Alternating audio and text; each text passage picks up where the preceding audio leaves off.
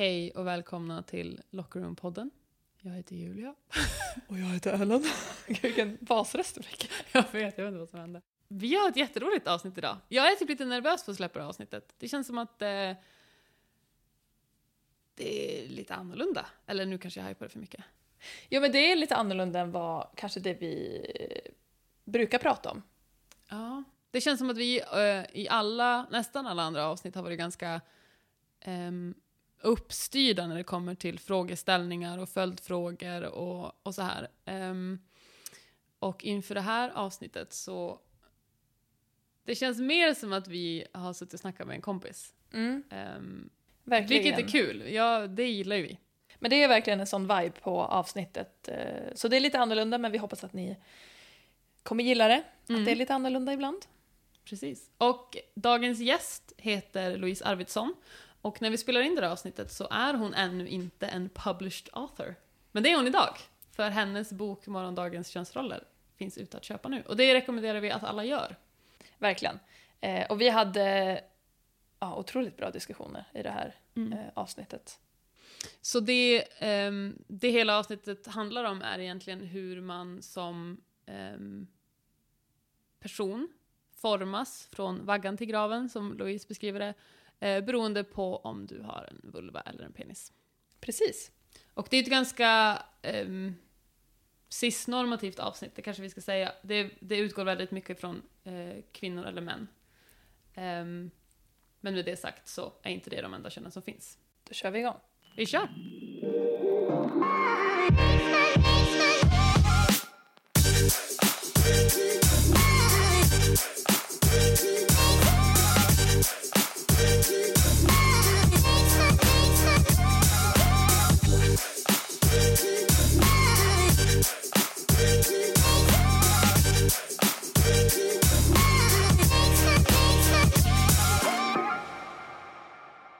Hej och välkommen till Locker Room-podden Louise Arvidsson.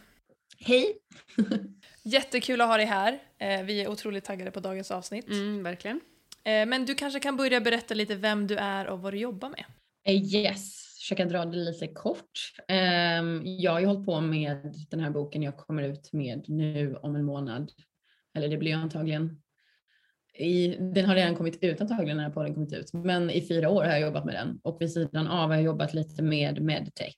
Men eh, jag är 27, snart 28 och eh, bor i Stockholm. Jag är från Skåne och är väl en eh, typ vanlig tjej. Jag vet inte. sportat, och, sportat och haft mig och eh, eh, pluggat i Lund och sådär. Så eh, ett, ett kompisgäng här i Stockholm och från Skåne. Så mm, det är jag. Eh, du nämnde din bok och jag tror att den, den kommer finnas eh, för allmänheten när det här avsnittet publiceras. Men eh, vad heter den? Vad handlar den om? Varför skrev du den? Du får berätta allt, Mm. för den är väldigt intressant. Ja, absolut. Um, först och främst skitkul att ni har med mig Ehm, och jag uppskattar er podd otroligt mycket. Det ni gör är grymt, så ja, tack för att jag får vara med. Eh, den, heter, ja, den heter Morgondagens könsroller. Um, och eh, från vaggan till graven och sen liksom facklitteratur som det är eh, så ehm, har den en till liksom underrubrik som heter Hur ditt liv formas beroende på vulva eller penis. och eh, ja, den anspelar på allt från skönhet, sex, makt, ehm, historia, biologi eh, och ehm, som det låter i rubriken så är det från vaggan till graven helt enkelt. Och målet är, en del har frågat mig, varför heter den morgondagens könsroller? Liksom, varför vill vi ens ha könsroller? Liksom så.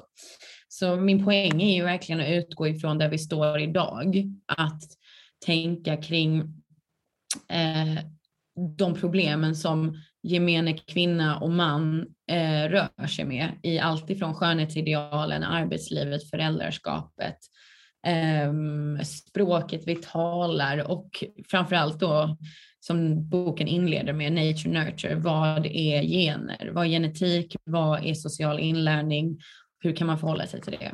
Så målet är väl egentligen att vi kan väl ha könsroll i framtiden eller inte eller vad det är, men vi behöver utgå ifrån det vi gör idag helt enkelt. Och eh, just nu finns det könsroller och de är formade på ett visst sätt. Och eh, alla som lyssnar på den här podden är ganska övertygad om, har varit med om en eller annan grej där de kan känna igen sig i de här äh, typerna av könsrollerna. Eh, jag vill ge nycklar också, helt enkelt hur vi ska lösa vissa av de här problemen i, på varje kapitel då. Eh, det finner man. Och igen, de bygger, allting bygger på eh, psykologistudier som jag läst det eh, och eh, det har tagit fyra år så researcharbetet har varit gediget och ehm, grunden är just liksom varför beter vi oss som vi gör och hur har vi kommit dit vi är idag och vad behöver vi förändra? Um, så ja, det är, väl, det är väl boken i sig. väldigt, väldigt spännande. Mm. Eh, hur bestämde du dig för att du ville skriva dem? Hur, tar man liksom, hur tog du det steget? Ja, um, det var um, lite läskigt till att börja med. För att eh, ni, tror, ni vet att man, ja, men man har ett litet projekt och så smyger man in sig i det och så vet man inte riktigt. Jag var 24 när jag började så jag var också så här, mm, jag ska börja skriva någonting men jag gör lite vid sidan av, jag jobbar lite vid sidan av och sen så eh, och så bara, men jag vill bara liksom förstå varför vi beter oss som vi gör och sen landade jag mer och mer i eh, okej, okay, det här handlar om kvinnor och män och det här handlar om Venus och Mars och att det inte finns ett Venus och Mars och sådana grejer och även att um, eh, jag skickade in en artikel till Dagens Nyheter och den kom med där och de tyckte det var bra det jag skrev och det kändes roligt och då blev jag mer peppad och jag försökte bygga ett självförtroende i mitt skrivande liksom eftersom det är första gången. Så så småningom var jag så här, nej men nu satsar jag fullt ut på det här och eh, det kommer ju ifrån att jag har väl känt de här känslorna länge. Att jag vill både vara med killarna och tjejerna och leka när jag är liten. Liksom. Jag vill både spela fotboll och eh, kunna vara aggressiv och drämma näven i bordet samtidigt som jag eh, ja, men, gillar kreativitet och eh, jag, bryr, jag bryr mig också liksom, och jag har långt hår och ser ut som en tjej och identifierar mig som en tjej och liksom, tycker det är roligt att göra vara varm och ha empati också som inte riktigt alltid killar får ha. Liksom. Så jag kände varför, vad är det här liksom? Eh, och har känt så hela min uppväxt och speciellt när hormonerna sprutar under tonåren då, eh, då, eh, då blir det liksom extra, inte pikant men nästan liksom det sätts på sin spets så här hur gud vad man vill förhålla sig till gruppen och gud vad mycket av gruppen består av om du är tjej eller kille. Så eh, ja, och eh, jag behövde undersöka det fort som fan direkt efter jag hade gått gymnasiet och universitetet. För det är då man är som mest liksom, vad fan, då hade jag det färskt. Så nu kör vi. Ja, det låter verkligen eh, jätte, jättespännande. Det ska bli så kul att få läsa den. Mm. För när vi spelar in det här så är den ju inte riktigt släppt än. Men eh, tanken med den här podden är ju att den ska få vara lite som en plattform för samhällsfrågor och då ofta med idrott som gemensam nämnare. Och väldigt ofta är det ju ordningen, eller vad man ska säga, är att vi tar upp exempel inom idrotten och så också visa ett backa ut och se det samma exempel i omvärlden. Och att så, idrotten är inte på något sätt undantag från de normer och strukturer som man hittar i resten av vardagen. Men vi tänkte att vi vänder lite på steken idag och så får, vi, får du, eller vi lyfter exempel från din bok bland annat på liksom könsroller och normer i vardagen för att sen diskutera hur de tar sig uttryck i idrotten. Eh, så det ska bli jättespännande. Men ehm, den första frågan som vi skrev upp och som när vi diskuterade den, vi bara ja, den måste vi prata om. Det är vad är arv och vad är miljö? Och ja. kan du bara berätta så här, ja, men vad det har betytt för som psykologi, eh, forskningen inom psykologin? Alltså det är ja, bara huggtag. Ja, absolut. Alltså det är ju, alltså det är ju liksom nästan, om inte det är 10 000 kronors frågan så är det liksom typ en evig fråga vi nästan har eh, ställt oss hela tiden. Och vi, och, um, på, när man läser psykologin överlag så säger den ju att eh, tråkigt nog så är det både och. Och en del lärare håller på bara, det är 50-50 och liksom så. Mm, eh, och det är det Delvis för att, men om man tänker, om man utgår för, från först att vi föds och vi, får, vi har en viss typ av gener med oss.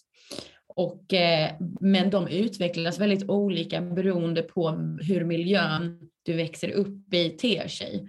Eh, så om jag har en tendens till aggressivitet eller till empati eller till ehm, eh, kreativitet eller till eh, eh, spela fotboll, basket, allt möjligt. Om jag inte blir introducerad eller triggad positivt eller negativt så kommer inte de generna kanske slås på överhuvudtaget. Alternativt så kommer de tolka omgivningen på ett visst sätt och så finns det liksom ett golv och tak för hur generna, hur bra man kan bli på basket. Liksom. Du, tyvärr finns det tak som vissa slår i, liksom, eller som jag som gick på gymnastik. Jag kan inte göra trippelsalto eh, för jag har fan inte benen till det. Liksom. Jag klarar det. Så, eh, och där tar ju generna liksom stopp. Men summa summarum som jag också är i boken är att du kan göra otroligt mycket med den miljön du befinner dig i. Och eh, det kan vi ju bara se med tanke på de här senaste hundra åren när vi har förändrat samhället ganska drastiskt mer än vad vi gjort under nästan 800 år om vi går tillbaka till romartiden när eh, the Roman Empire föll liksom. Så har vi ju verkligen förändrat både det sociala, industriella och allt och helt plötsligt så kan tjejer spela fotboll och killar kan gråta. De kunde det under eh, viss tid av 1700-talet också för då var det tillåtet att vara manligt. Liksom. Men eh, helt plötsligt så har alla andra typer av egenskaper och det är ju inte för att liksom Ja, helt plötsligt så föddes nya personer med det, utan det är ju för att vi har skapat möjligheter, man har fått självkänsla, självförtroende, byggt en skola. Idrotten har funnits där då som en eh, grund. Så ehm, eh, ingenting är kört, men allt är inte omöjligt. Så skulle jag väl säga med genetik och arv. De samspelar på ett härligt sätt och det går att göra väldigt mycket med det. Men att det som mycket mynnar ut i är ju att om man säger så här att säga att ja, någon är född till att vara aggressiv, eh, begå våldsdåd, eh, bete sig som på, vi kanske pratar om det senare, elektrakulturen, bete sig liksom aggressivt inom sporten eller så här eh, boys will be boys känsla. Det finns liksom inte. Det utan att jag är så professor så har jag, kan jag säga med säkerhet att jag har läst tillräckligt mycket studier att eh, det är i den normalkurvan som finns liksom, så, så finns inte det som någonting man ska acceptera helt enkelt. Så, ja. Nej men jag tänker ska man um se till idrottens roll så står de ju i väldigt många gånger för miljön. Alltså rent konkret i den miljön vi, vi ger ungdomar, den miljön vi underhåller och den miljön vi skapar. Och liksom, där är det väldigt att, lätt att se resultatet av den, om det har varit en bra miljö eller en dålig miljö. Och vi pratade mycket med, förra säsongen hade vi Peter Rung som pratade om machokultur. Och han pratade också väldigt mycket ur ett fotbollsperspektiv, att vad, vad för slags atleter skapar vi i våra omklädningsrum och våra miljöer där och så här, kan vi vara stolta över det eller inte? Eh, och där tror jag det är som en nyckel, en nyckel för, för idrotten och för en samhällsförändring att, att veta att möjligheten finns. Mm. Jag håller verkligen med. Jag håller verkligen med. Om vi då ska gå vidare till eh, de olika könsnormerna. Vad är de olika könsnormerna och vad bidrar till dem? Pratar vi sport eller pratar vi generellt i allmänhet? Vi kan börja prata generellt och så kan vi gå in på ja. sport. Mm, mm. Det beror ju på var man befinner sig i livet, vilka typer av eh, könsroller, könsroller du kommer ta. Um, men eh, om vi utgår ifrån kvinna-man och eh, att de också känner sig som kvinna-man. Det finns ju den här intersexdebatten också. Ni vet inom Caster Semenya och sådär, där det handlar om hormonnivåer och inte, ja. Men om eh, då är det ju att eh, män, ja, alltså pojkar eh, umgås på ett sätt som är mer eh, axel till axel än face to face eh, och de tränas till det från en ung ålder. Eh, du ska borsta av det gruset från eh, dina brallor och ställa dig upp igen medan flickorna eh, det finns en annan typ av värme och empati mot flickorna när de eh, Eh, redan ifrån en ung ålder. Eh, det är mer vänhet och söthet och ja, det är det vi har hört på många olika ställen och sen fortsätter det upp i, in i kärleksrelationer och i vänskapsrelationer. Eh, och ehm, i kärleksrelationerna så kan man ju ibland liksom vara den här det här är din roll och det här är min roll och de ska inte gå in i varandra och så ska man vara lite rädd för det och så för annars skadar vi det maskulina och det feminina, det hårda och det mjuka, det varma och det kalla. Eh, och eh, även inom vänskapsrelationerna när tjejer ska umgås så är det ju den här normen att eh, man snackar mycket men det blir inte mycket gjort typ. och det liksom är, eh, det är en form av eh, ja, bitchighet och jag skriver en del om eh, catfights och sådana grejer också och ehm, hur ehm, egentligen den bilden av kvinnlig vänskap inte stämmer utan det blir en självuppfyllande profetia i vissa fall. Och sen när vi eh, går in i arbetslivet och föräldraskapet så är det ju där det börjar skilja sig mest helt enkelt. Eh, framförallt eftersom att ekonomi och pengar är det som styr en stor del av vilka möjligheter, resurser, livskvalitet, kontroll vi har i livet. Och där när vi börjar få barn och eh, arbeta, Eh, det är där männen skjuter iväg i, i pengar och kvinnorna stannar kvar hemma i jobbet. Och även om det låter idag, vi vet ju att ja, men vi har ju en bättre utveckling i, i Sverige. Bara igår pratade jag med en eh, vän som fick frågan på en arbetsintervju om, fast under liksom bordet. Så här, är det så att du, vi är 28, 29 nu, liksom, är det så att du bildar familj snart? Eller det finns ju några här som har barn, liksom, ska du också? En sån fråga hade man ju inte ställt till män riktigt på en sån arbetsintervju och det är olagligt att göra det liksom. Eller, eller alltså sätta den som, som en fråga. Men hade hon då svarat ja, jag är gravid eller jag planerar barn inom ett och ett halvt år jag tänker inte, då kommer inte din chans till att bli anställd, på, då kommer det istället vara, nej vi har hittat en annan kandidat, tack så jättemycket. Det kommer inte vara, nej du, du blir gravid om ett och ett halvt år så vi kommer ju inte anställa dig. Så det ter sig både i hårda liksom, valutor och könsnormerna ter sig, de liksom sipprar ut i vår möjlighet att röra oss i livet men också hur vi mår inombords eftersom att vi formas genom det hela, hela livet. Det är liksom små grejer som blir stora. Men sen om du har som snacket nu, du har vita shorts på dig. Kommer jag blöda igenom eller inte? Ja, helt plötsligt så man vågar inte sporta lika mycket, det är läskigt. Man vågar inte säga till tränaren att eh, jag trivs inte i min gymnastikdräkt eller i mina volleybolltrosor eh, och därför vill inte jag vara med och spela. Det påverkar ju ens psyke sen och hur man mår och hos killarna finns ju en annan mer uttalad okej, okay, om inte nästan en push som också kan vara negativ för killarna. Att så här, du måste prestera, du måste vara sportig, du måste för att du ska kunna leva upp till mansnormer. Och det är också fel åt, åt sin sida. Liksom. Så de största problemen finns på kvinnornas sida, men männen har en del att brottas med också.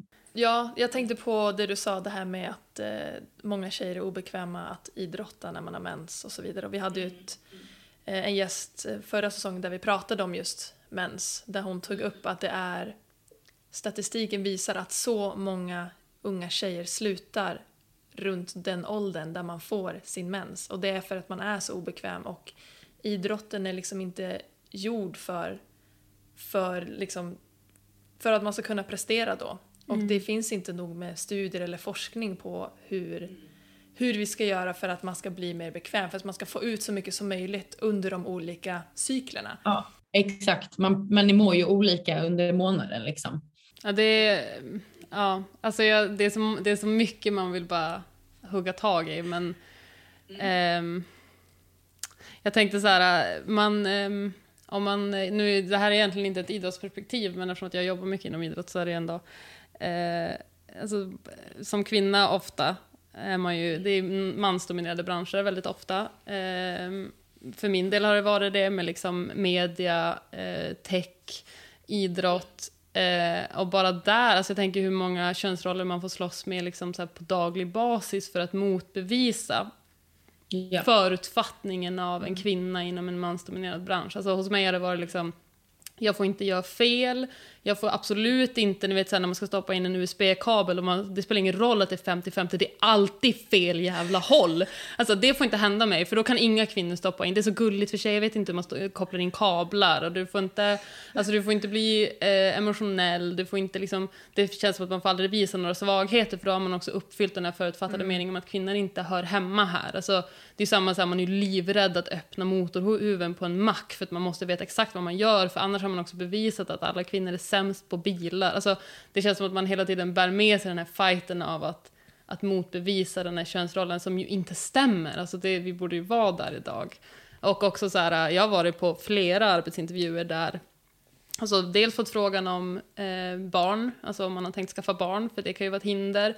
Jag har också fått liksom Fråga om huruvida jag kommer liksom följa med min sambo när han flyttar iväg och coachar i något annat land och så här, vad, vad kommer jag göra då? Alltså då ska jag liksom sitta eh, att här, dels prata om huruvida jag tänkte ha oskyddat sex eller inte, men också om, eh, ja men det är så här, rent krasst blir det det man undrar, alltså det är så här, mm, har ni tänkt ha kul? Eller, men också så här, om jag tänker följa efter min sambo när han byter land. Alltså, för det, han får ju den frågan, alltså han får ju aldrig den Nej. frågan.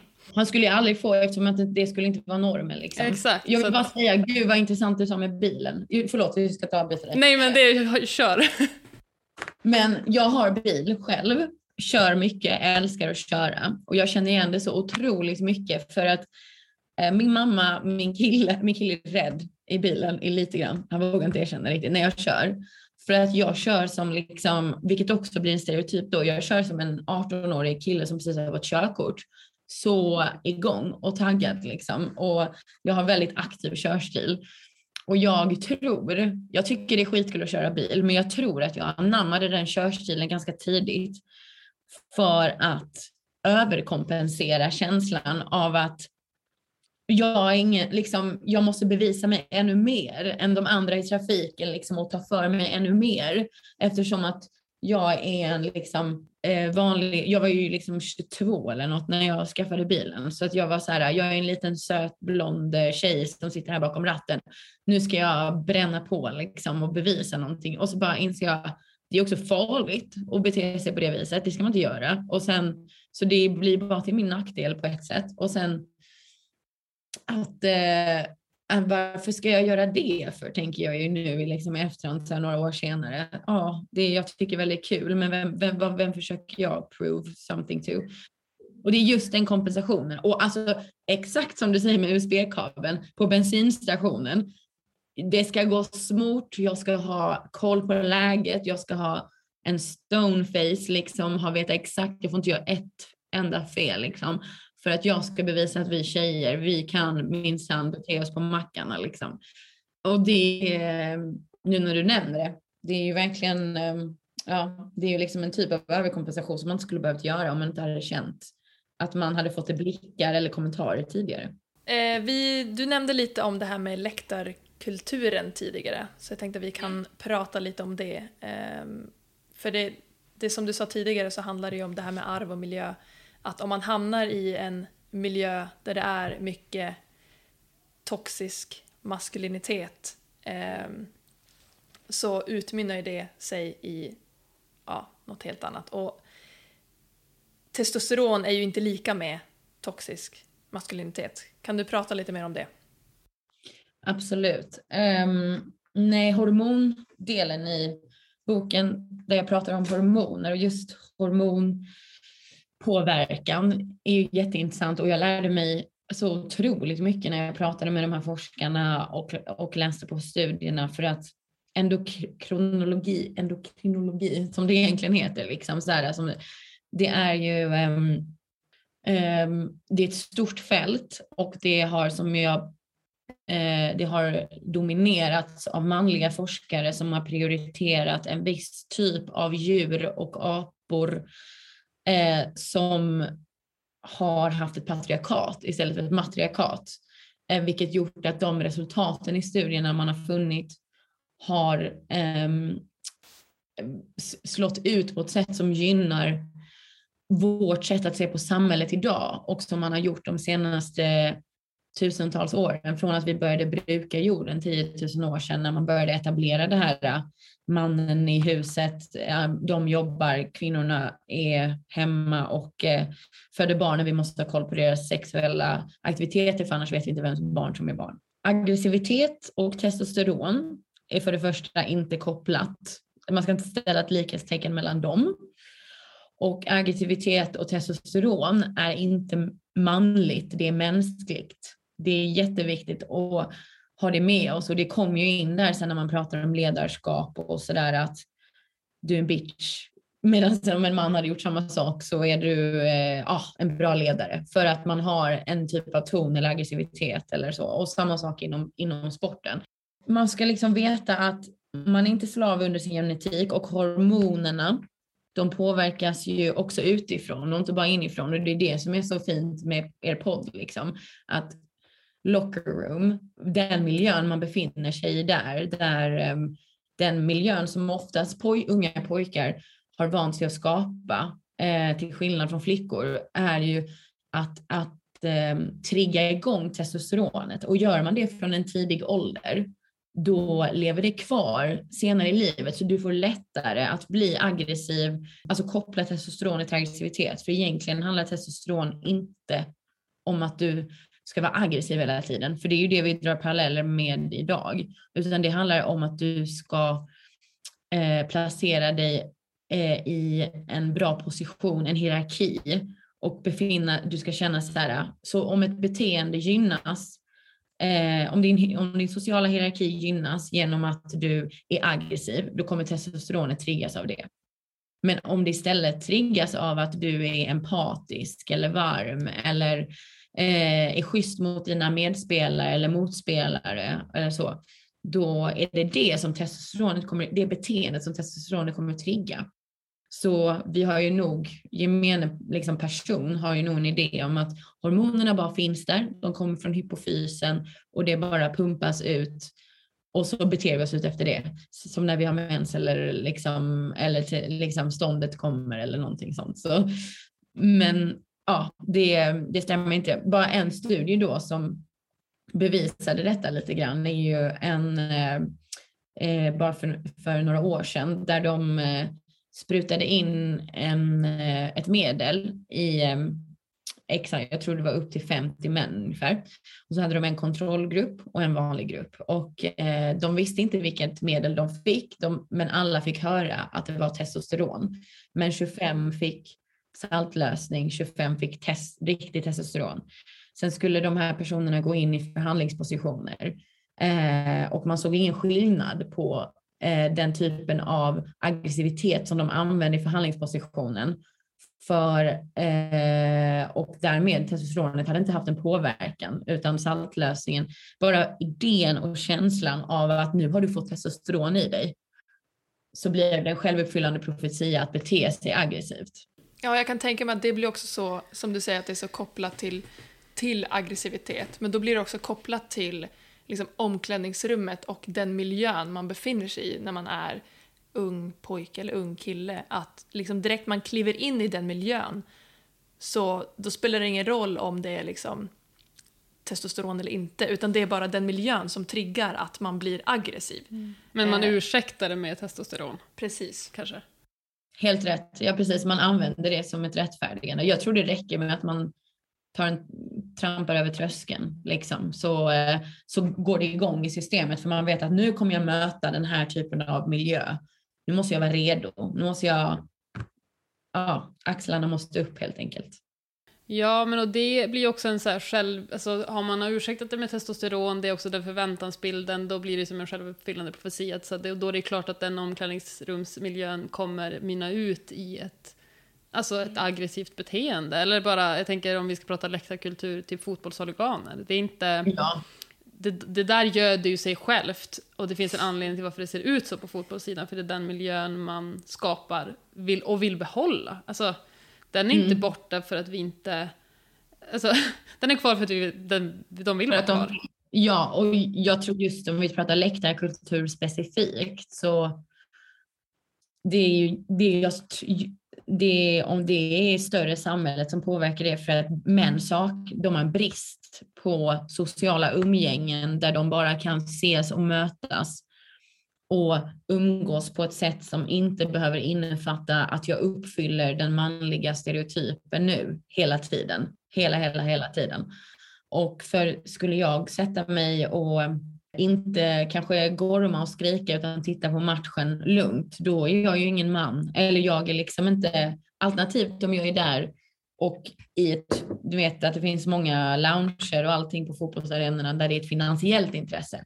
Då kanske man eh, uppfyller det där, för jag blir sponsrad med biljetter så då behöver inte jag befinna mig där borta på den här aggressiva huligankulturen. Det finns olika aspekter av allting på, eh, eh på området.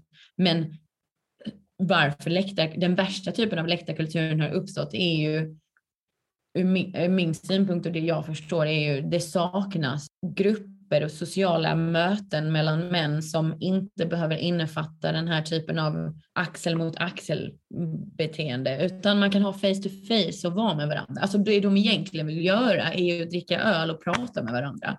Men de, och absolut att man kan också vilja titta på fotboll, men det behöver inte kopplas allting så att det blir en sån uppdämd stämning som det har blivit liksom, för det gynnar ingen just nu liksom.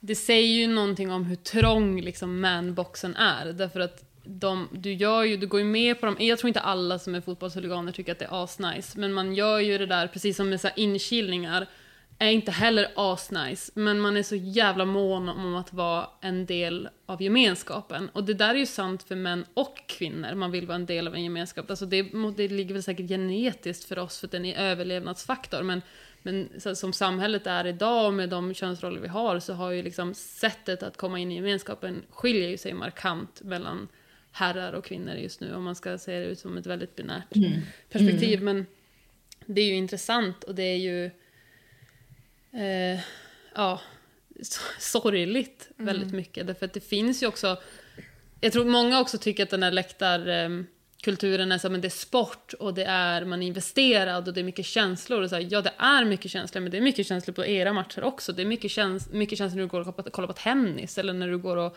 kollar på ridsport eller simning. Men, men man har ju någonstans man sätter en OK-stämpel på det inom fotbollen exempelvis, men hockeyn också till viss del. Att så här, men här är det okej, okay, för det är den här kulturen vi har. Ja, men det känns väldigt eh, inkört bara. Mm. Ja, jag var ju på Wembley Stadium nu när London, eller när England, i London, när England spelade mot eh, Tyskland i deras i EM-finalen. Och det var, ju, det, var ju, det var ju fullsatt. Det har aldrig varit så fullsatt på en EM-final kvinna eller mans match. Liksom. Och det var ju så stort um, att få, få vara där och det var ju en helt annan, och nu kommer då vissa kanske tänka så här, ja men det är för att männen behöver en kvinnlig balans för att rätta ut allting. Liksom. Utan de är så och det, sen är det vårt jobb att liksom eh, balansera ut dem. Det är ju inte så för att de männen som antagligen går där kanske också, de är genuint intresserade och har antagligen kanske flickvänner eller nära kvinnliga vänner som, och, som de eh, går med. Och sådana typer av män har ju inte riktigt engagerat sig i den typen av läktarkultur överlag. Så det var massivt att få se en sån stor skara och inte, för jag har varit på Chelsea-matcher på Stamford Bridge, jag har, och sen var jag på Friends nu i juni senast med när damerna spelade sin um, det var liksom en träningsmatch inför, mot Brasilien inför EM.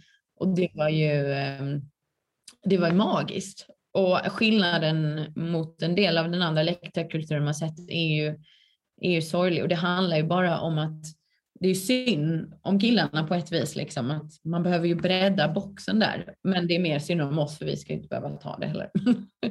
men eh, ja, det vi upptäckte efter Peters avsnitt som vi har pratat väldigt mycket om, att, eh, och vi fick det till oss även alltså väldigt nyligt, att um, det är väldigt, väldigt synd, men män lyssnar på män. Och då kan man älta att det är synd, eller så kan vi se det som en nyckelfaktor. Och någon gång känner jag lite så här, när ska män bli upprörda över hur samhället ser på män?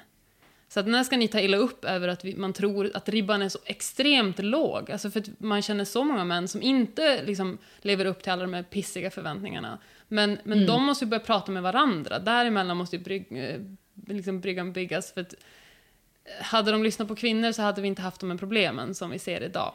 Um, inte, alltså i mångt och mycket faktiskt. Och det är ju uppdelningen som kommer från tidig ålder. Att man det här har vi inte ett partnerskap liksom. Vi tränas inte till det och det är det jag syftar till med boken. Att vi, ska inte, vi behöver inte bli lika och framförallt när det kommer till fysiologi, där ska vi se olikheterna på många sätt, där vi ska ta vara på att eh, vi är, ehm, vi, vi är equipped, good och, och inte se heller den manliga fysiologin, fysionom, fysionomin som en norm, utan kvinnornas fysionomi är också en standard liksom, för in, det börjar bli bättre. Jag tror att först när killar pratar med killar och står upp för varandra eh, så kommer de också, jag tror det måste börja där i kombination med att man börjar med ett partnerskap. För att likasinnade lyssnar på likasinnade nästan liksom. Och så eh, de man kan identifiera sig lätt med. Och det är precis som vi pratade om tidigare, det är ju mänskligt. Så här, man lever i, man vill tillhöra en gemenskap och det kommer ju långt bak i tiden ifrån. Eh, att leva i grupprum 150, att förhålla sig till normerna, att förhålla sig till allting som sker, för annars får jag inte mat, jag blir inte omtyckt, någon slår ihjäl mig liksom. Så.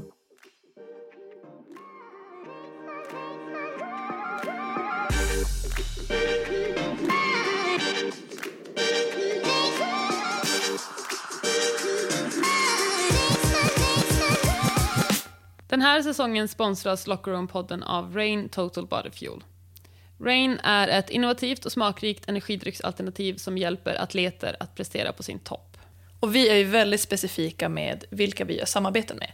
Och därför kändes det naturligt och självklart att ha med Rain på poddtåget. Förutom att Rain delar våra värderingar så eh, gillar jag Ellen väldigt mycket att de jobbar med storytelling. Och eh, precis som i vår podd så tar Rain upp ämnen som ibland kan vara svåra att prata om. Så besök deras YouTube-kanal för att ta del av deras stories. Tack Rain! Tack!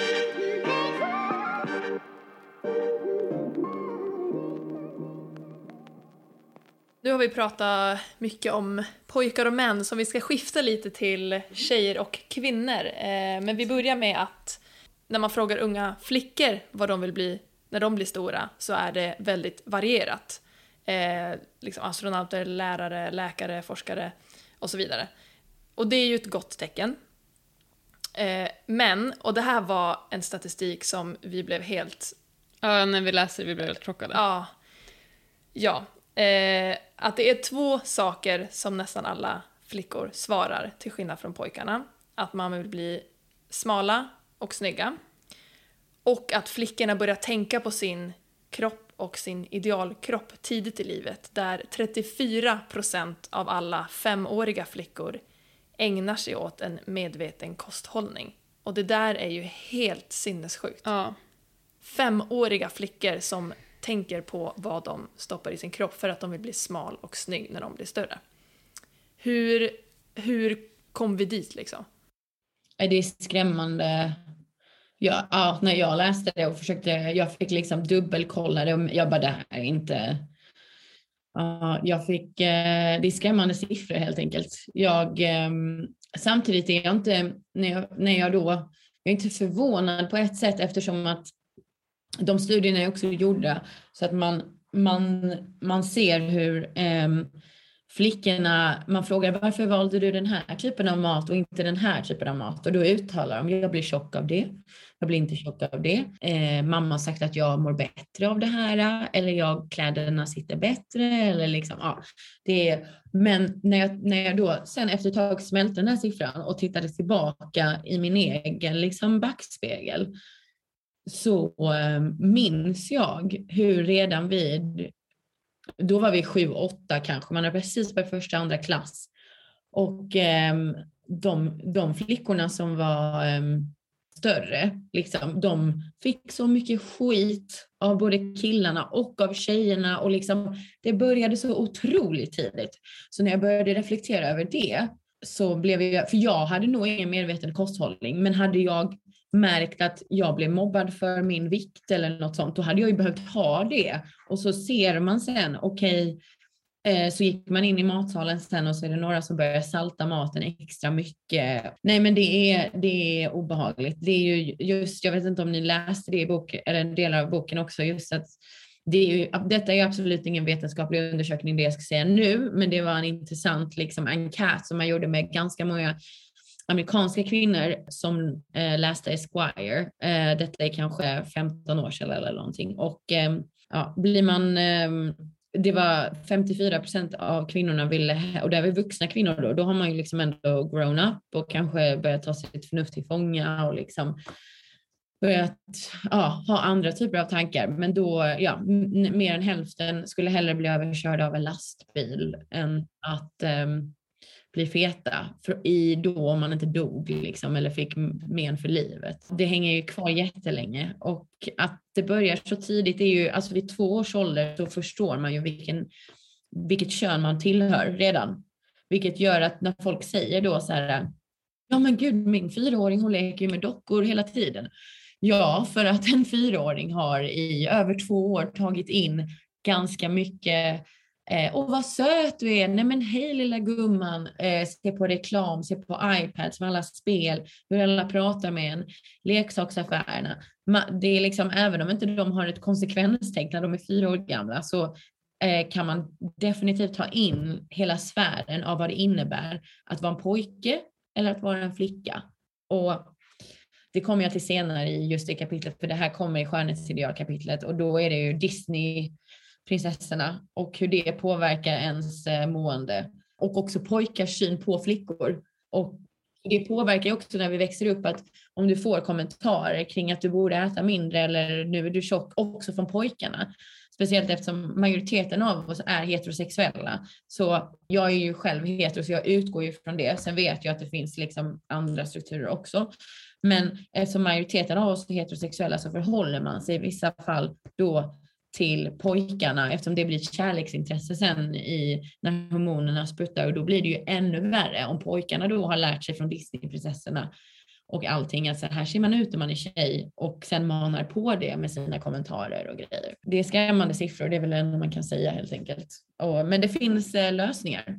Kan vi gå vidare till dem? För man ja. blir helt sänkt. För det är så himla sorgligt. Jag tänker också bara med barn eh, men vilka kläder som erbjuds unga flickor och unga pojkar och liksom hur, men så här, om man bara tar hur, hur det går att röra sig i dem, de hur praktiska. hållbara de är, hur praktiska de är, men också hur de sitter på kroppen. Alltså, mycket när man liksom som barn borde kunna leka väldigt liksom utan könsroller, utan den här strukturen, därför att man är som så himla lik i mycket annat eh, oavsett kön, så har vi som redan där bara puttat in alla i fack. Och det gör ju en Ja, jag blir mörkrädd. Så kan vi snälla gå vidare till hur förändrar ja, vi det? Nej, men absolut. Eller så här, um, nej, jag minns också bara när jag lekte med, när jag hade kjol på mig och liksom lekte i klätterställningar och bara Louise nu! Se upp! Men ja, för att, och så bara, men vänta den här kjolen som jag har valt som min typ idol på den här tv-programmet hade på sig. Vänta, jag kan inte röra, jag kan inte göra samma sak som jag vill. Det, vad fan är det? Det här är en lösning, det vi håller på med nu, att prata om det. Eh, och vi är ganska unga, så att göra det i den här åldern är ännu viktigare eftersom att vi har flickor eller yngre flickor runt omkring oss som eh, kommer se upp till oss när vi är på arbetsplatser, när vi är på sportgrejer, när vi blir mammor och allting. Så ju tidigare vi börjar desto bättre. Det är svårare att identifiera sig med någon som kanske är 50-60 liksom och, och, och sådär om man är ung tjej. För det, nej, eftersom det är, vi måste börja tidigt. Ja men jag har lite, jag kan eh, punkta upp då lite lösningar ja. när det kommer till um, um, nu snackade vi ju mer skönhetsideal och, och sådär men och det kopplas ju till sporten också eftersom ja, men det är lätt att koppla till sporten eftersom att den rör sig eh, så många områden. Men så här, först och främst ska man inte tänka utseendefixeringen som vi har som någon typ av, eller den är ju inte en diagnostisk sjukdom liksom. Så um, den syns inte på röntgen, den ger inte utslag i blodprov, men bara för att den inte gör det så betyder det inte att den drabbar så många. Så därmed att ha med sig det medvetandet är den första starten. Och sen är det väldigt viktigt att ja, språket spelar jättestor roll, hur vi pratar med varandra. Ehm, jag har börjat bli väldigt medveten med att inte hela tiden säga när jag träffar en tjejkompis på en kaffe eller på en middag och på stan och bara Hej, hur mår du? Gud vad kul. Gud vad fin du är. Jag har insett nu att gud vad jag har det latent, det ligger bara där. Det är inte, och det är för att jag vill vara schysst, jag vill vara snäll, jag vill liksom, och hon tycker ju om det i sin tur för att hon har ju tyckt om, hon har ju lagt tid antagligen en del på sitt utseende när jag säger det och då blir hon ju liksom glad för det. Och om man, det är ju det man säger, liksom, åh killarna ni måste säga att vi är fina och hit och dit.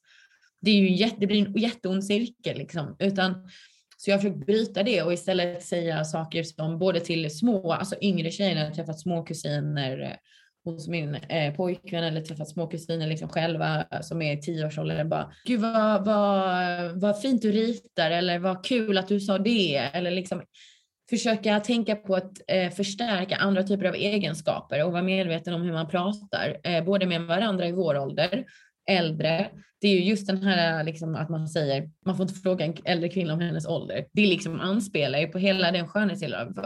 Ursäkta? Alltså, det är klart som fan vi ska vara stolta över vår ålder hur långt vi har tagit oss och alla motgångar man har gått igenom när man har kommit upp i de åldrarna. Och det vill jag bara flika in där. Vi hade en, ja. Eh, en som skrev till oss som sa att hon oh, var ja. årsrik som vi liksom har anammat. Ja. Mm. Det tyckte vi var så Årsrik fint. är jättefin ja. ja. ja. jag, har, eh, jag har sett det, det är skitbra ju. Och säga, ja vad heter det, Barbro Westerholm som var riksdagsledamot. Eh, jag tror hon började säga det, årsrik. Det är jättebra.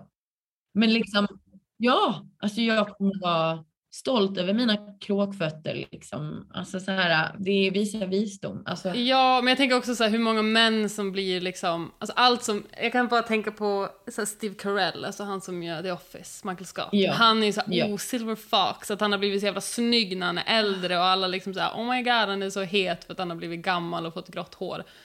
Eh, alltså Meryl Streep fick tre erbjudanden om att spela häxa samma år hon fyllde 50 det var som att alla mediebolag hade en typ så här kalenderpling som bara... ja, she's ready! Finally! sen så hur blir det perfekt? Men sen nästa grej som man kan göra eller tänka på är just sociala medier har en jättestor påverkan idag när det kommer till skönhetshetsen. Framförallt i vår ålder och för unga tjejer. Alltså det räcker med att jag sitter på ett café liksom häromdagen och överhör tjejer som jag skulle klippa vara i 14-15 års åldern och det är så mycket som fokuseras på utseendet utifrån eh, de sociala medierna, Instagram och Twitter, Facebook. Kan inte Twitter så mycket, den bråkar politiskt. Men, ja. men just att eh, fundera på hur man använder dessa plattformar själv och sen också fundera på vad, när man använder dem, hur, vad man kommunicerar till, typ om man har en följarskara eller om man bara har ett kusinbarn eller eh, ett eget barn eller så. Vad är det man skickar ut för signaler? För det spelar jättestor roll. Det du, what you see you can't be, liksom, är ju en, klass, en klassisk citat. Liksom. Så om du inte kan se någonting, då tror du att du inte kan bli det. Men om du ser en viss typ av liksom, så här är vi kvinnor, då kommer du vilja förhålla dig till det, för det är någon typ av norm som har skapats. Så det är jätteviktigt att tänka på det. Och eh, du kanske också själv vill lägga ut någon snygg bild eller göra så. Och det, tänk på då att det är en positiv tillfälligt stimuli-kick som du får. Och antagligen grundar det sig i någonting annat. Som att du vill lägga ut den bilden. Eh, sen självklart ska man få vara snygg, men det gäller att ha en variation. Liksom. Att visa hela, hela helhetsgreppet liksom, och vara holistisk. Så eh, försök vara aktiv mottagare istället för passiv mottagare när det kommer till idealen. Det jag tror mycket börjar med oss själva liksom. Och sen återigen, du kan vara hur intelligent som helst, men ingen kan värja sig från det massivt, massiva liksom marknadsföring och kommunikationstrycket som finns idag. Att begära det är att kräva av kvinnor att de ska lägga bort tid ifrån andra viktiga saker i livet för att liksom mota bort alla typer av skönhetspelare och ideal och hålla sig borta ifrån vissa saker. Så det är de krafterna som behöver ändras först.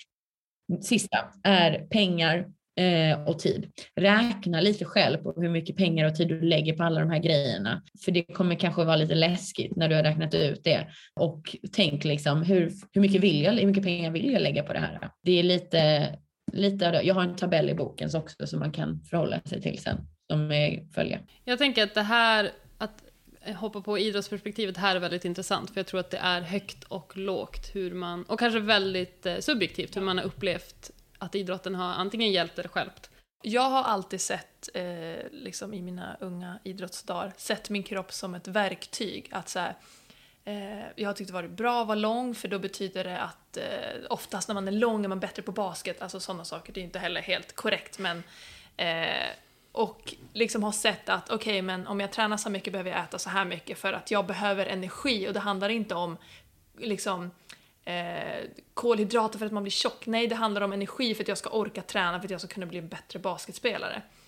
Eh, och jag tror att när man umgås med och liksom får den, det tydligt när man är yngre så blir det lättare att, att behålla det när man blir äldre. Och sen, jag har också självklart haft, jag tror många tjejer och kvinnor har haft eh, problematik med mat, liksom till och från kanske. Och det här med att man liksom väger sig inför träningar blir ju också någonting som är väldigt triggande för då, då börjar man jämföra sig med andra istället för att eh, se det som att liksom, vikt handlar ju om muskler och muskler är någonting bra när det handlar om idrott. Att det är liksom inte att bara för att man väger mycket så är det dåligt. Men det är ju det man har blivit inprintad mm. sedan man är liten. Att väger man mycket så är det dåligt. Liksom om jag går till folk och säger vad jag väger så är de så oj det är mycket. Ja men jag är stark. Ja. Alltså jag har muskler och muskler väger mycket. Så att alltså det är inte konstigt att man som elitidrottare väger då liksom någonting. Men det är bara just den där kopplingen att, att mm. hög vikt är någonting dåligt. Det är liksom inprintat ja. i ens huvud. Så varje gång man väger sig så är det ju så här man får aktivt, ja. Och man jämför sig med andra och liksom, jag kommer ihåg när vi var i, i, i Spanien, då vägde vi oss varje vecka och det gjorde vi på college också. Eh, att så här, folk började liksom ta av sig skorna och ta av sig liksom tröjor för att man skulle bli lättare och vara så ah, men jag åt ingen frukost i morse för att liksom, jag visste att vi skulle väga oss. Och det, alltså, det är ju helt sinnessjukt hur det är. Och det här, nu pratar vi om elitidrottare. Mm. Mm.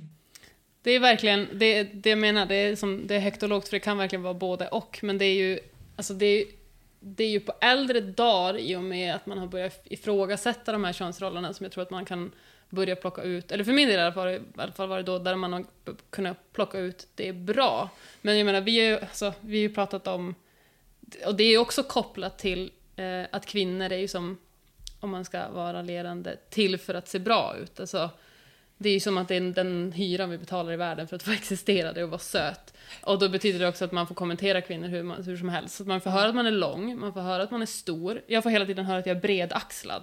Alltså, Okej, okay, men det hade varit orimligt för mig att ha smalare axlar sett till min längd. Alltså det går, alltså det är inte anatomiskt möjligt, men det är ändå det man liksom, man får höra, det är stora fötter, det är liksom allt det där, att det är som så okej okay också att kommentera kvinnors kroppar, ja. för det är det vi är till för. Och sen får man ju hoppas att i framtiden så betyder det inte Alltså stora fötter är inget dåligt, bredaxlade är inget dåligt, men just nu som det ser ut idag så är inte det normen. Och då blir det någonting dåligt, det blir inte en komplimang. Att, du är, liksom, att, att jag är lång, det är inte någon som...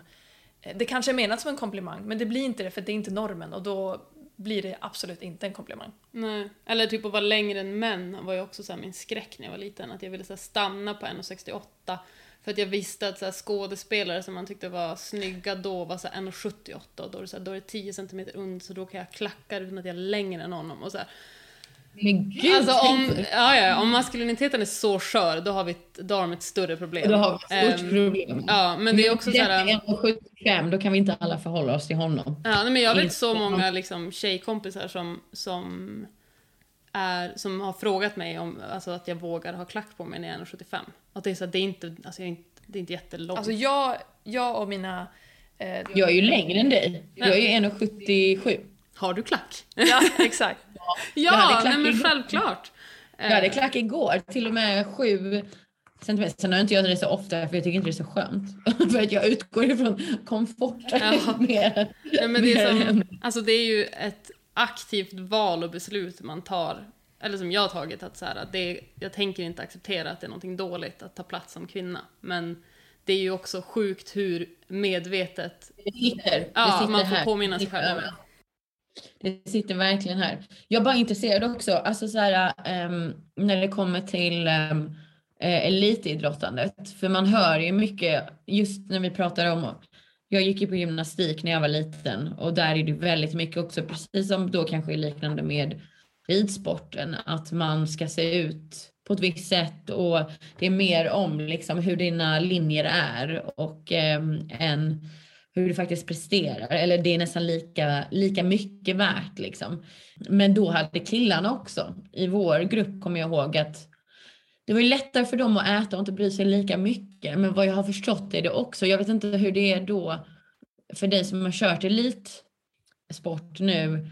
Har, har du pratat med män i din, liksom, i din peer group så, som har blivit utsatt för liknande. För jag kommer ihåg Jonas Eriksson berättade, ni vet domaren som i fotboll som är med och kommenterar och har sig ibland att de vägs ju minutiöst, domarna liksom. Eh, för de, alltså de måste också vara superatleter och allt sånt här. Så killarna drabbas väl också delvis av det här? Eller vad, eh, vad, säger, vad säger du? Vad har du för erfarenhet? Ja, alltså det tror jag absolut. Men jag tror att just när man är yngre så är det så tydligt att det bland unga tjejer handlar om Liksom, om du väger det så vill du inte väga mycket. Som ung kille, då vill du vara lång. Du vill väga mycket för det betyder att du har mycket muskler. Liksom. Du vill alltså, gå upp i vikt i muskler medan tjejer, är så här, tjejer kan vara rädda att få muskler för att man väger för mycket eller man blir för stor.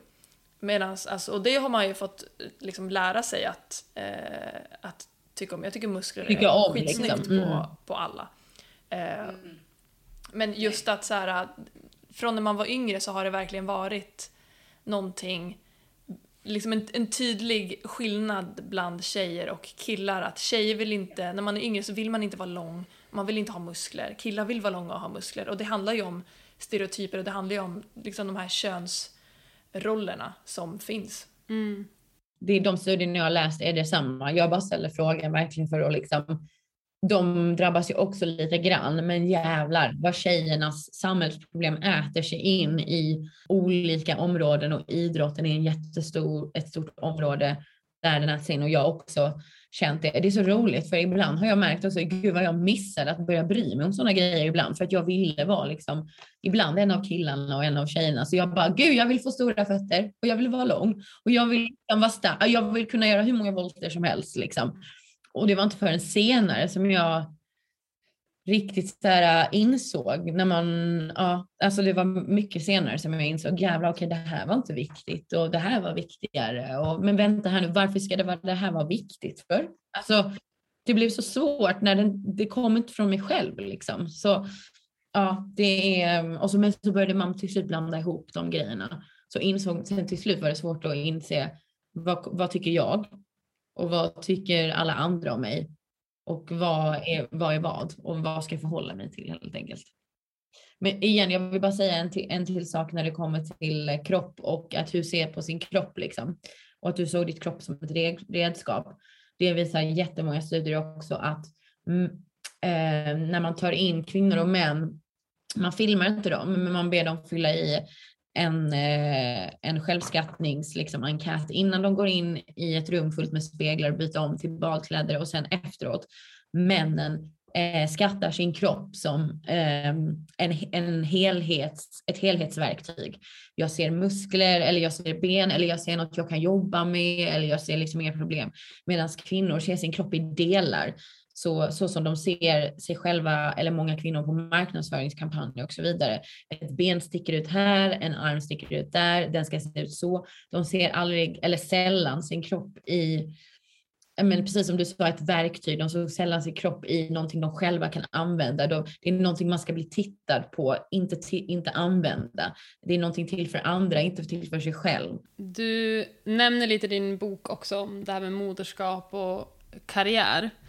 Eh, och eh, pratar om den här skeva uppdelningen av föräldraskapet, att det har varit en nyckel i patriarkatet för att hindra kvinnor att ta sig in i offentliga rum, ha makt och forma samhället. Och att det behövs en ny och fräsch definition av moderskap och därmed vad föräldraskap innebär.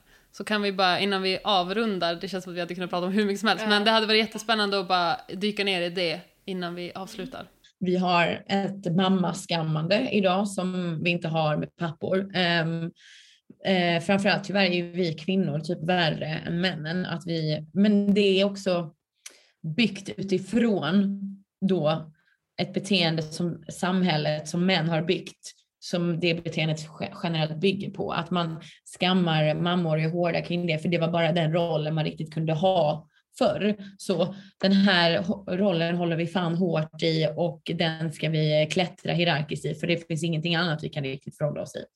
Så det, var, det är det det antagligen kommer ifrån. Så den här momshamingen måste ju stoppas här och nu. Eh, och eh, det är ju också för att du ska kunna vara en förebild till dina söner och döttrar och skapa en frihet för dem och skapa ett utrymme också för papporna att ta en större roll i föräldraskapet. Och ofta ser man ju mitt i arbetslivet när man blir förälder, så därför är de väldigt starkt kopplade till varandra. Och ehm, eh, först och främst vill jag dementera att det finns en, inte, männen inte har en biologisk klocka, för det har de. Och eh, de eh, bör också vara stressade. För jag tror många fler kvinnor känner sig stressade idag än vad män känner sig och det är oproportionerligt liksom. Och det påverkar hur man eh, väljer arbete eller stressar upp sin karriär kanske i ett tidigt skede eller eller sen väljer att fördela föräldraledigheten och sådana grejer. Och mäns spermier blir ganska kassa när de kommer upp i 45-årsåldern och över. Även om de kan skapa barn så blir det mycket större risk för eh, eh missfall och sjukdomar. Även om de kan spruta spermier så blir det inte så jävla bra alltid. Så det är väldigt viktigt att eh, lyssna på att män också har en biologisk klocka. Så där kan man liksom på ett sätt bara inse det kan man jämna ut ganska mycket. Så sent som 2021 så berättar en majoritet av mammorna i Sverige, som är en av världens mest jämställda länder, lagmässigt att ändå normerna påverkar dem så mycket så att hälften av alla har blivit mammaskammade på ett eller annat sätt. Liksom. Och det påverkar ju arbetet och påverkar det arbetet så påverkar det också ens möjlighet till eh, att skaffa resurser. Och om man inte kan skaffa egna resurser och pengar och tid, då kan man kanske inte lämna en relation om man känner att man måste det. Och ehm, då är man fast i någonting som är jäkligt jobbigt. Så ja, generellt är det mödraskapsstraffet då när det kommer till arbetslivet. Det handlar om att ehm, när, om man tittar på lön bara, så tjänar kvinnor utan barn och män utan barn och med barn ungefär lika mycket. Men kvinnor med barn, det är de som tjänar allra minst och det är där det skjuts i höjden. Och Island har lyckats lösa det här på ett väldigt bra sätt genom att få skapa en norm där papporna tar ganska mycket av liknande föräldraledigheten. Eh, och vi är på god väg mot det i Sverige faktiskt. Så det är liksom åt rätt håll. Men det handlar också om att skapa det åt rätt håll när det kommer till i de branscherna som är kapitaldrivna, det vill säga finansbranschen och eh, fastighetsbranschen och så. För män äger ju mycket mer fastigheter och kapital och aktier än vad kvinnor gör idag. Men eh, skapar man det så kommer också, som vi pratade om tidigare, man vill inte att en, eh, den som intervjuar någon för, för ett arbete ska tänka, är hon i fruktbar ålder eller inte? Utan du tänker ju då också, i Island har det visat sig att det spelar ingen roll om du är 30 som man eller 30 som kvinna. Han eller eh, hon som intervjuar tänker, det här är någon som kommer skaffa barn så det spelar ingen roll vem jag väljer. Så det har liksom jämnat ut sig och eh, mödraskapsstraffet har därmed nästan avskaffats i Island. Så de är en bra, en bra indikator att titta på. Och sen vill jag bara nämna också när det kommer till pappa och faderskapet att papporna mår väldigt bra av att vara nära ett nyfött barn och det skapar väldigt positiva hormoner eh, både hos barnet och hos pappan själv. Och att liksom förhindra det är bara taskigt för båda parterna. Det är liksom på en hormonnivå positivt att eh, man eh, byts av och det gynnar också relationen om man har en heterosexuell relation. Liksom. Så att byta av de hushållssysslorna och eh, ansvaret som man har i ett hem i förhållande till arbetslivet och föräldraskapet. Det visar sig alltså, i statistiken att man håller ihop längre om man har en mycket mer jämställd relation. Så det är fördel för alla och för barnet framför allt. Så. Det känns ju som ganska logisk liksom, statistik. Ja, ja. Mm. Jag skulle precis säga det, är ingen shocker. Nej, men om vi nu ska försöka koppla det här till idrotten så eh, det är ju många som många kvinnor som definieras som eh, elitidrottande mammor när de har fött barn. Medan det är ingen som någonsin har kallat Zlatan för en elitidrottande pappa. Så att, och jag menar, det är ju någonting som är jättefint, att man kan fortsätta sin idrott efter man har fått barn som man eller kvinna. Men det blir ju konstigt att det blir så skevt beroende på om man är mamma eller pappa.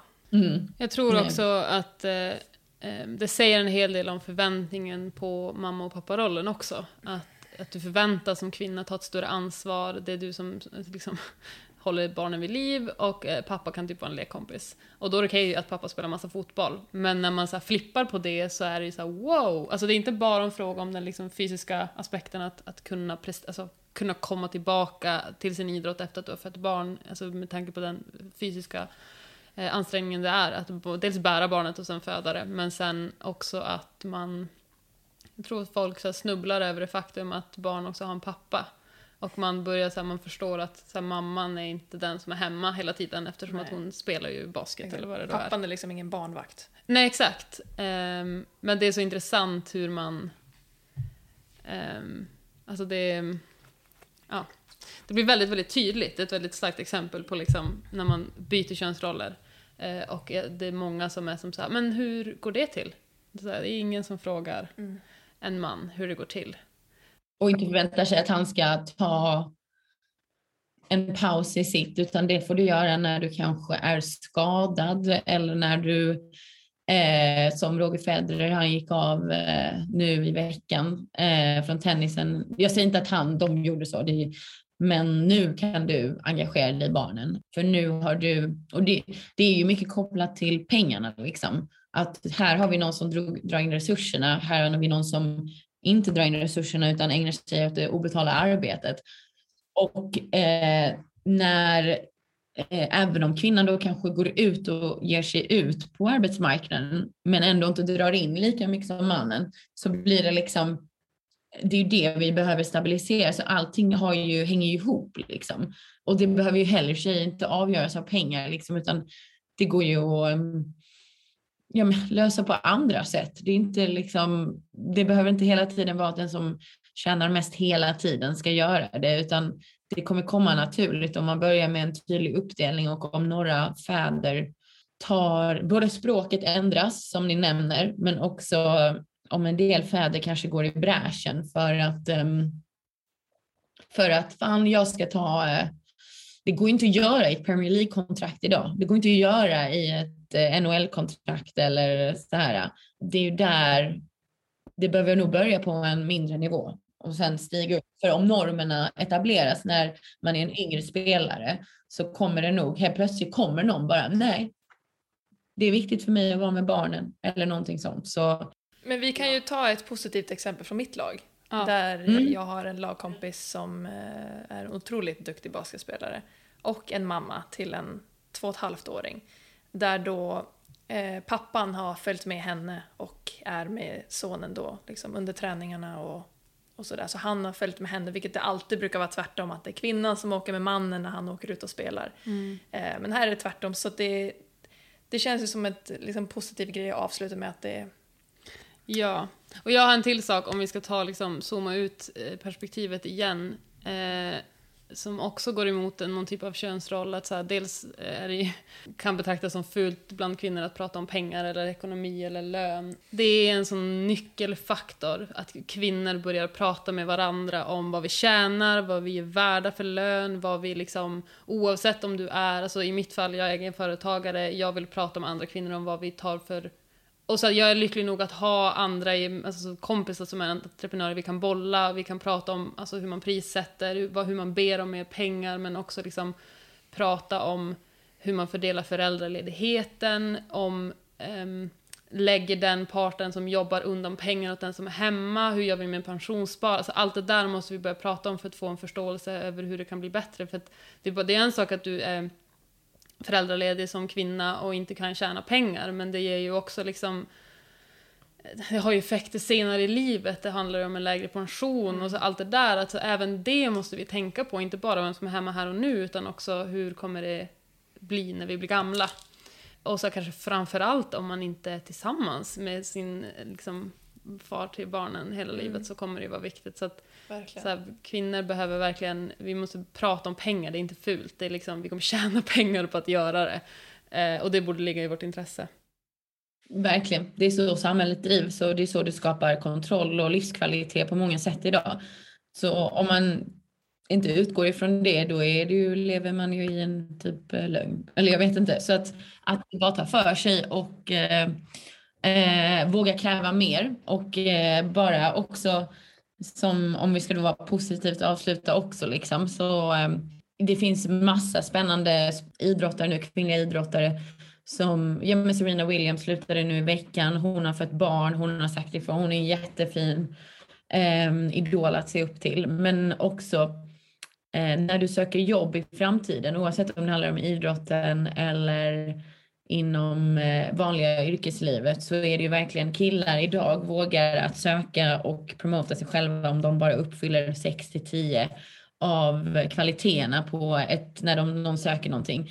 Medan tjejer ser till ofta så ha 8 till 9 och sen ber de om ursäkt för den sista där de inte riktigt uppfyller kravet. Så um, alltså fake it till you make it och uh, tro på dig själv liksom. Och allting är självuppfyllande profetia och uh, det handlar om att skapa dina egna regler lite så kommer all, andra att anpassa sig också liksom. Det är ett väldigt bra avslut. Verkligen. Alltså tusen, tusen tack för att du vill gästa oss. Det har varit jätte, jätte roligt att få liksom grotta i allt det här.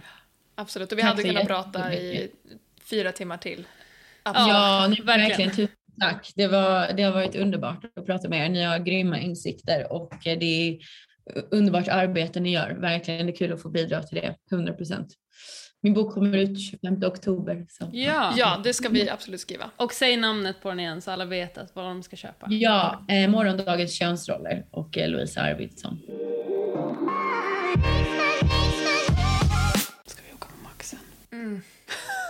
Hörde du vad vi sa? Nej, jag hörde inte. Ni är trötta. Ska vi åka på Maxen? Jag bara, mm. Ska vi åka på Max också sen? Det är, så, det är väldigt norrländskt. Ja, det kanske det är. Ska vi åka på Max?